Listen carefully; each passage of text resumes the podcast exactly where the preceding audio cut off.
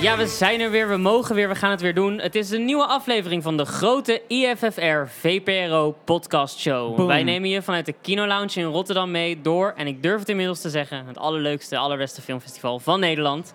En het is de één na laatste alweer, Hugo. De tijd is voorbij gevlogen. Ja, maar gelukkig een aantal hele goede highlights om te bespreken. En bovendien, niet alleen highlights in deze podcast, we hebben ook dieptepunten. We hebben namelijk de dwarse films, de films die in de publieks...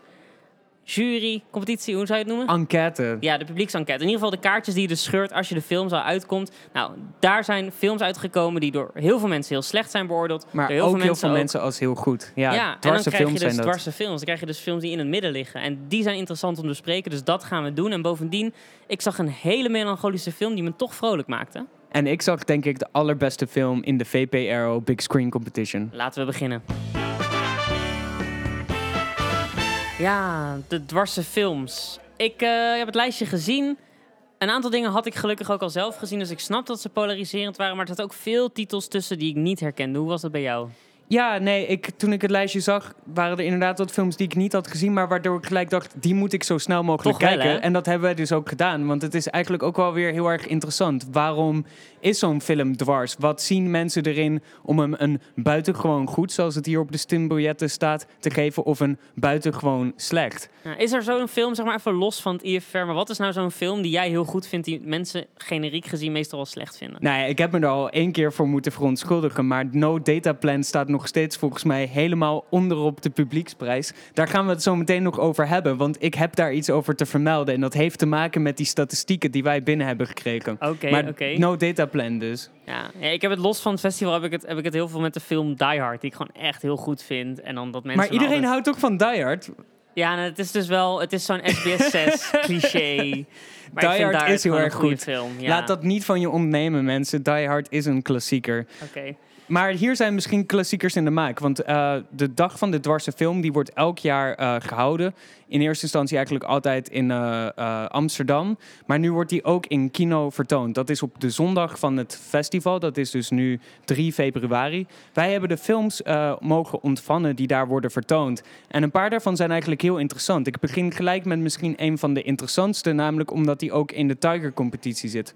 Present Perfect van Shu Ja. Shenze. Ik heb hem vandaag gekeken omdat hij op deze lijst belandde. En toen dacht ik, nou, dit moet ik dan wel zien. Zeker ook voordat de prijsuitreiking van morgen is. En ik denk dat we het daar zo nog even over moeten hebben. Ik ga even de rest van de films af die er nog meer op staan. oké. Las Hijas del Fuego van Ja. Albertine Carré. Volgens mij heb ik jij ga je, je daar voor aan het, eerst, in, voor het eerst in de hele podcast mag ik het plezier nemen om je uitspraak te verbeteren. Het is Las Hijas del Fuego. Sorry, dank Argentijnse je. filmmaakster Al- Al- Albertine Carri. En ehm, ja, dit, dit is echt mijn momentje omdat jij zo al die Russische titels flawless uitspreekt. Verschil Maar moet er uiteindelijk, wezen. de titel Heel goed. betekent Dochters van het Vuur. Check. En dan is er nog The Mountain van Rick Elverson. Volgens mij heb jij die ook gezien, toch? Ja, man. Ja, en die Rick Elverson is best wel een vette gast. Hij maakte van, ja, van die indie pitchfork videoclips voor, andere, voor onder andere Sharon van Etten en Angel Olsen. Cool. En dan is er nog Alpha, een eh, Portugese film. En I Do Not Care If We Go Down in History as Barbarians. Dat is de enige van deze lijst die niet één van ons heeft gezien. En dat is dus ook gelijk de film die ik zo snel mogelijk wil kijken na het opnemen van deze podcast. Ja, kan zondag dus. Ja, Present ja, Perfect. Present Perfect. Wat Laten we daar eens mee beginnen. Nou ja, kijk, als je, als je weet dat zo'n film polariserend is Ja. volgens het publiek, dan ga je gelijk een beetje afvragen van waarom. En snap ik het publiek dat zo'n film dan een 5 geeft, een buitengewoon goed, en snap ik het publiek die hem een buitengewoon slecht vindt. Ja, waar zat jij überhaupt in deze schaal? Ik denk dat ik meer aan de kant van goed zit dan aan de kant van slecht. Maar ik snap waarom misschien mensen wel de bioscoop uitlopen en denken: nou, dit, dit voel ik vandaag niet. Ah, en dat ja. heeft vooral te maken met de constructie van de film. Wat is hier namelijk aan de hand? Eh, deze filmmaker, zij heeft helemaal geen enkel shot zelf geschoten. Sterker nog, haar hele film, en die duurt twee uur, dus het heeft misschien ook met de speelduur te maken, bestaat alleen maar met beelden die andere mensen in China hebben geschoten. Maar niet zomaar geschoten, maar echt nadrukkelijk gelivestreamd. En het is Ah, eigenlijk een heel boeiend fenomeen, want Maar waar blijkbaar... gaat het dan over? Nou, het, gaat, het geeft eigenlijk, zoals ooit televisie, weet je wel, of film als een venster op de wereld werd gezien. Dit is echt een venster op China. Want sinds 2016 mogen mensen op hun eigen mobile devices livestreamen. En mogen mensen dat kijken. En daar is een nieuwe economie omheen gebouwd. Want je kan zoals wij ook Twitch-streams en zo hebben. Je kan Waar met gamers, zeg maar, dat ze live aan het Ja, videogamen zijn, streamen op Nou ja, Twitch. dat ja? is in het Westen heel erg zo'n ding van dat je gaat make-uppen of dat je gaat gamen of eh, iets, een soort van entertainends gaat doen. Hier zo in China is in één keer de livestream eh, business echt booming. Maar mensen streamen dus ook de meest alledaagse dingen. Gewoon letterlijk eh, fabriekswerk. Een man die in een enorme hijskraan zit, die ergens aan het bouwen is. Een vrouw die in zo'n sweatshop eh, achter elkaar shirts in elkaar aan het Ah. naaien is. En ondertussen aan het livestreamen is. En heel af en toe praten ze ook. Af en toe doen ze ook net iets meer. Een soort trucje of een dansje. Of een, houden ze een gesprek. Of vragen ze om wat geld. Maar eigenlijk is het meestal gewoon alleen maar een soort cinema verité, weet je wel? Je zet gewoon de camera aan en laat zien... dit is mijn leven. Geef me aandacht en hopelijk ook een beetje Ja, dit geld. klinkt vet, maar dit klinkt niet twee uur lang vet. Dat is dus misschien een beetje het ding. Ik was er wel eigenlijk heel erg door geboeid, omdat nou ja, er komen zulke bizarre dingen voorbij. Er is na een tijdje een bedelaar die zichzelf aan het livestreamen is terwijl die aan het bedelen is. En die krijgt dan digitaal geld, maar ook in real life worden er in één keer muntjes op straat gegooid voor hem. En het is, dat is zo'n maf... Ja, het congrueert helemaal niet. Mm. Dus nou ja, dat, dat soort dingen zitten in Present Perfect. Dat is heel spannend als je net in de stemming bent om echt in het Chinese maatschappij te duiken. Dan Las Hijas del Fuego. ja, mijn- jij was daar minder positief over. Ja, hè? alleen de titel is eigenlijk vet. Want Las Hijas del Fuego, ehm, kort gezegd, gaat over een lesbisch stel. Die zie je aan het begin van de film al. Die zijn in Argentinië. Ze komen net van een boot af. En dan, nou, ze hebben elkaar blijkbaar heel lang niet gezien. Want het eerste wat ze doen is ze hebben seks met elkaar. Een paar scènes later komt er een nieuwe vrouw bij. Die doet mee aan de seks van deze twee dames. En een paar scènes later komt er weer een vrouw bij. Die doet ook mee aan de seks van deze dames. En, en En volgens zo mij door is, en door en door. Nee, ja, het, is een, het is een soort van reis dus van v- vrij gevochten Argentijnse vrouwen die eh, elkaar ontdekken en, en daarbij ook het leven ontdekken. Dus die seksscènes worden afgewisseld met een soort mijmerende conversaties waarin ze hun eigen lichamen bespreken. En ja, ik snap dat dit een polariserende film is. Ik vond hem zelf namelijk heel lastig om weg te kijken. Ik ben niet Ja. iemand die snel wegschrikt van een seksscène, maar ik vind het wel moeilijk om een seksscène als iets anders te zien dan alleen maar bewegend vlees, wanneer er geen context bij gegeven wordt. Oh ja. Dus je, ja, je opent meteen al op seks, dan wordt het voor mij al heel moeilijk om te snappen wie deze mensen zijn en waarom ze seks hebben. Ergens anders, en als ik dan echt mijn best doe, dan kan ik ook wel zien waarom er een deel van het publiek toch zegt van, goh, maar dit vond ik een goede film. Deze... Misschien is het heel empowering om ook die vrouwen zo op beeld Ja, te zien. zeker. En het zijn ook atypische vrijheid. vrouwen. De ene vrouw is ontzettend dik, de andere is kaal geschoren. Het zijn lichamen die er mogen zijn. En die dus in deze film, nou, is wel de eerste keer dat ik dat soort lichamen met elkaar seks zag hebben. Ehm, dus ik kan me voorstellen dat je dit ziet en dat je denkt van... Goh, wat verfrissend om vrouwen in allerlei maten bij elkaar te zien. En zeker, weet je wel, Latijns-Amerikaanse lesbiennes. Het is niet een genre wat ik ken. Maar ik ben niet een van die mensen. En het is ook een film, ja, ik vond het heel moeilijk om hem te plaatsen. Het is, het is huidig, het is politiek, maar het is niet spannend. Polari- polariserend dus. Dat wel. Wij hebben dus echt veel eh, van die eh, data gekregen van achter de schermen. En wat ik eigenlijk het interessantste vind is... Nou ja, we hadden het net al even over No Data Plan. De film Ja, waar iedereen mij nog steeds... aflevering 2 van deze podcast. Waar iedereen mij nog steeds eh, over haat of me eraan probeert te herinneren. Maar hallo, het is gewoon een hele goede film. Want als je ook kijkt naar de data. Ik sta niet alleen, zeker niet in de publieksprijs. zijn er juist ook heel erg veel mensen die hem uitzonderlijk hoog beoordelen. Maar helaas zijn het dus gewoon net iets meer mensen die hem uitzonderlijk laag beoordelen. Dus dat overstemt, de, het een overstemt dan een beetje het ander. Ja, wat ja, ik toen jij het in aflevering 2 erover had, toen werd ik dus ook wel geprikkeld. Ik dacht, oké, je ziet die man, hij zit in een trein. Ja, De mogelijkheid bestaat dat hij op ieder moment eruit gezet gaat Ja. worden. Ik vond het spannend klinken, maar goed. is het ook nog steeds. Maar wat ik dan, een- ik wil ook een positieve draai aan het hele verhaal geven. Want ik wil me niet alleen maar verdedigen hier. Wat ik heel leuk vind, we hebben, later hebben we het samen over Nocturne gehad. Ja, En dat Victor is dus Valk, ook ontzettend mooie film. Ja, en dat is dan ook tussen aanhalingstekens een polariserende film. Maar wat er eh, leuk aan is, is dat hij vooral positief best wel polariserend is. Hij staat redelijk hoog in de publieksprijs. Maar er is nog ook een enorm verschil in hoe mensen hem beoordelen. Maar hij eindigt veel hoger. Ja, dus veel mensen Hugo, bij geven deze hem... ben ik een nationalist. ja, bij dus deze veel mensen geven die film een mensen die de 5. Nederlandse film niet willen zien floreren. Ja, en misschien geven een paar mensen hem hier en daar een 2. En dat trekt hem een beetje zo naar beneden in die lijst. Zodat jij hem niet op de bioscoopscherm ziet als je hier op het IFFR bent. Maar laat je niet misleiden. Het Laat is gewoon echt maken. een supergoeie film. Dat zijn de soort dingen die wij eh, mogen zien, zo hier achter de schermen. Ja. Eigenlijk heel boeiend. En voor de mensen die dus eh, dit soort films juist willen zien, dat kan op zondag. Zowel in AI als hier in Rotterdam Ja. in kino. En dan is er één film, en die, dat is echt de grootste tip van deze allemaal, die ik heb gezien. The Mountain van die Rick Elverson, die dus die oh ja, die videoclipmaker, ja. Ik zal er heel kort over zijn, maar best wel een vette film over lobotomieën. Weet je, weet je wat dat is? Ik weet dat het is, dat is die One Flew Over the Cuckoo's Nest. Precies eh, die. Ja, ja, dus je, je snijdt... eh, situaties. ja, dat is een, een psychische ingreep die al lang niet meer wordt uitgevoerd, waarbij je dus de hersenhelft uit elkaar snijdt. En wat je overhoudt zijn eigenlijk hele afgestompte, suffe mensen. En in deze film volg je een dokter, een van de laatste doktoren die dat soort eh uitvoering, chirurgische aanpassingen nog uitvoert. En een jongen die hem bijstaat daarin, diens moeder is dus net ook door die dokter gelobotomiseerd. Oh god, en verschrikkelijk. die jongen die komt er dan samen met die dokter langzaam achter waarom eigenlijk, wat er nou zo gruwelijk is aan die eh, ingreep. En ik vond deze film dan specifiek de moeite waard, omdat de gestileerdheid ervan en hoe, hoe je dan zo dat jaren 50 Amerika en allemaal ziekenhuizen belandt. Ja, het is wel een trip, een avontuur. Het is een beetje langzaam, maar het is wel zo'n pareltje waarvan ik kan zeggen, polariserende film. En ik sta aan de goede kant van dat polariserende spectrum. En kijk hem daarom juist in de bioscoop. Zeker weten. Klinkt goed. Wat ik hoop dat eigenlijk eh, minder gemengd ontvangen wordt en gewoon dat iedereen het unaniem met mij eens is, is Joel van eh, Carlos Sorin. Deze film die draait ook in de VPRO Big Screen Competition. Morgen bij de prijsuitreiking komen we dus achter of als hij wint, dan wordt hij op de VPRO uitgezonden en krijgt hij waarschijnlijk ook een distributeur in Nederland, komt hij in filmtheaters. Dat Ja. hoop ik En dan echt. komt hij ook echt op tv. Ja, dat is heel dat is heel grappig aan cool. die eh, VPRO. Ja. En ik hoop dat echt, want in deze competition, ik heb al eerder over Heel Satan gehad. Nou, daar was ik ook al helemaal fan van. We hebben heel kort een eh, keer over de Best of Doreen B eh, gehad. Ja. Met de Ena. Ook een mooie film. Maar dit is denk ik in deze competition echt de meest eh, cinema-cinema film, zou je kunnen zeggen. Carlos Sorin, hij is een echte cineast uit eh, Argentinië. Hij maakt al sinds de jaren 80 films. Een oude man, veel ervaring, heeft al heel veel films gemaakt. En dat voel je als je Joel eh, kijkt. Waarom je dat voelt is vooral omdat de, het film zo eenvoudig eigenlijk en effectief in elkaar zit.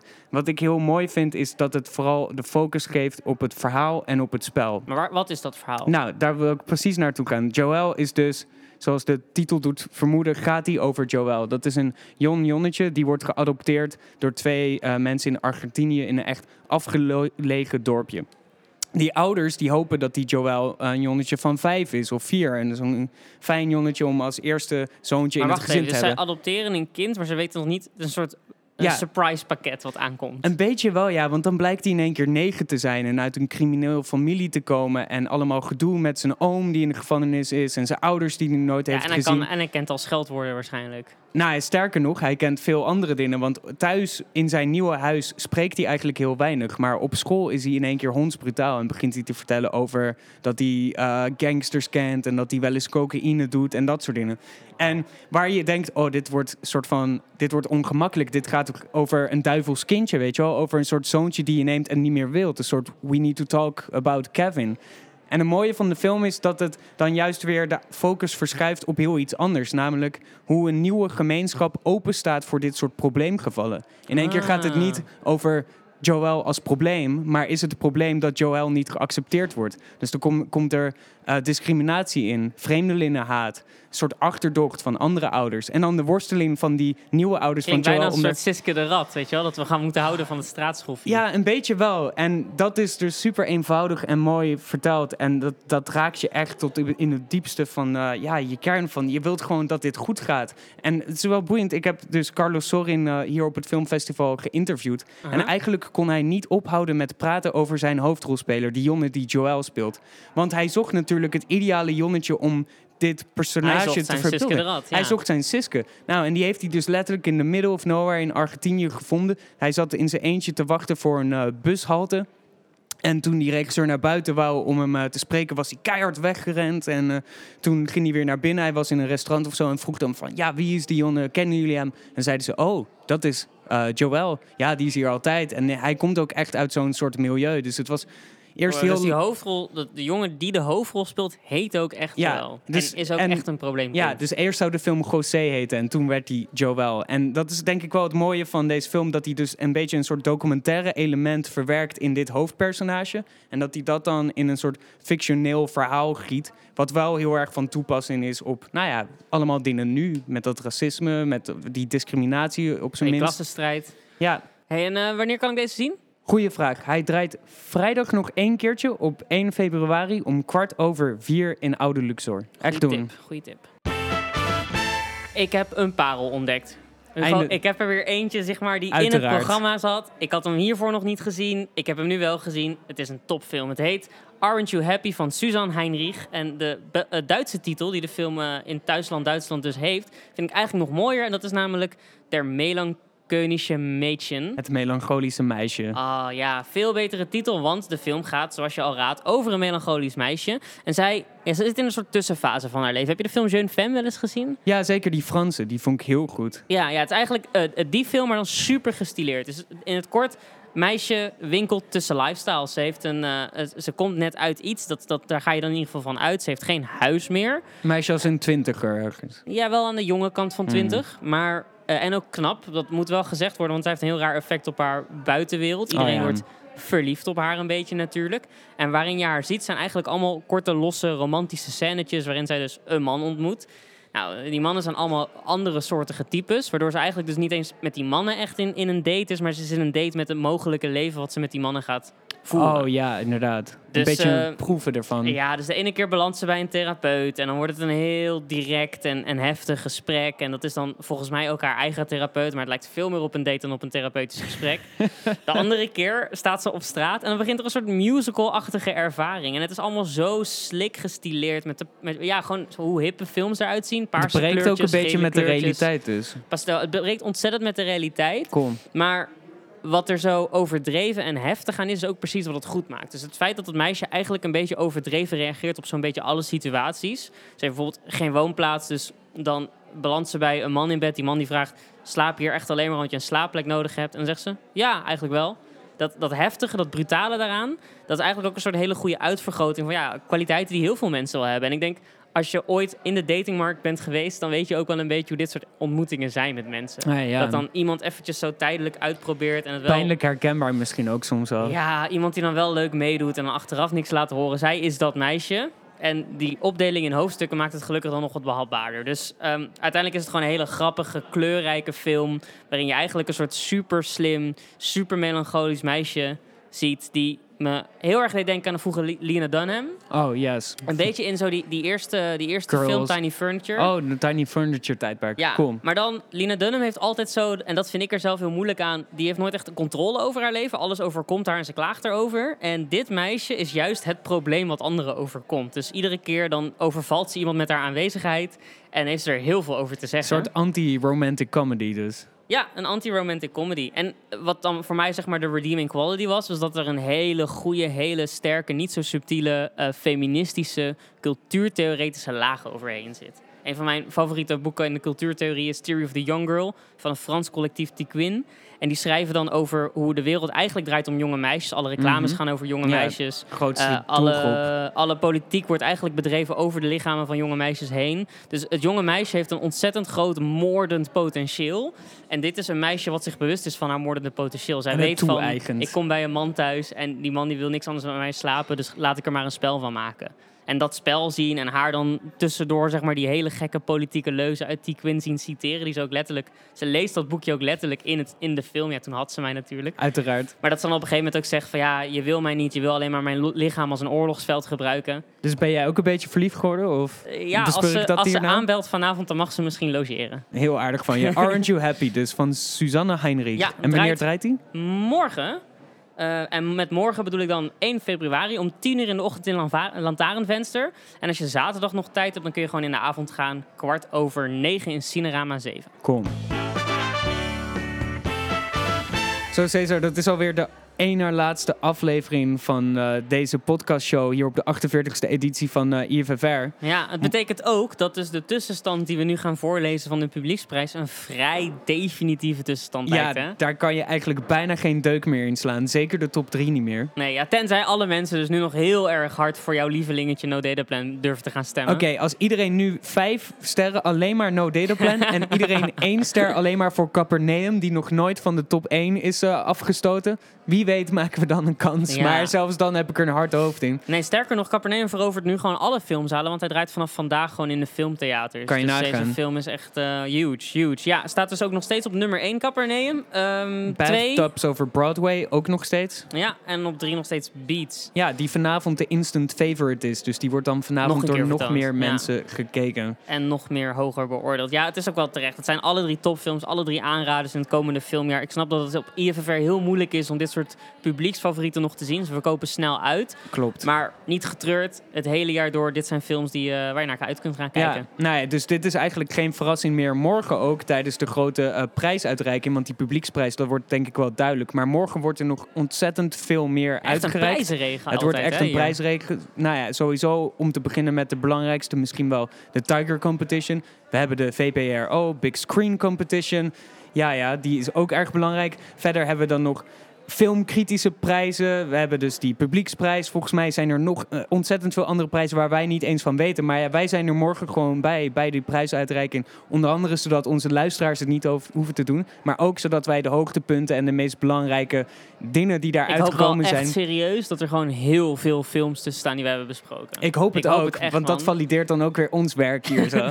Ja, niet, niet eens om die egocentrische reden, maar ik heb gewoon zoveel goede dingen gezien waarvan ik hoop dat ze ook gewoon een soort succes pakken. ja, dat ze ook gezien zijn door anderen. Ja, Dat zeker. is. Ja, dat Tot gaat dus morgen gebeuren. In de tussentijd, als je dat nu nog niet gedaan hebt, dan heb je nog één keer de kans. Abonneer je op deze podcast via iTunes of je andere eh, podcast-app naar keuze.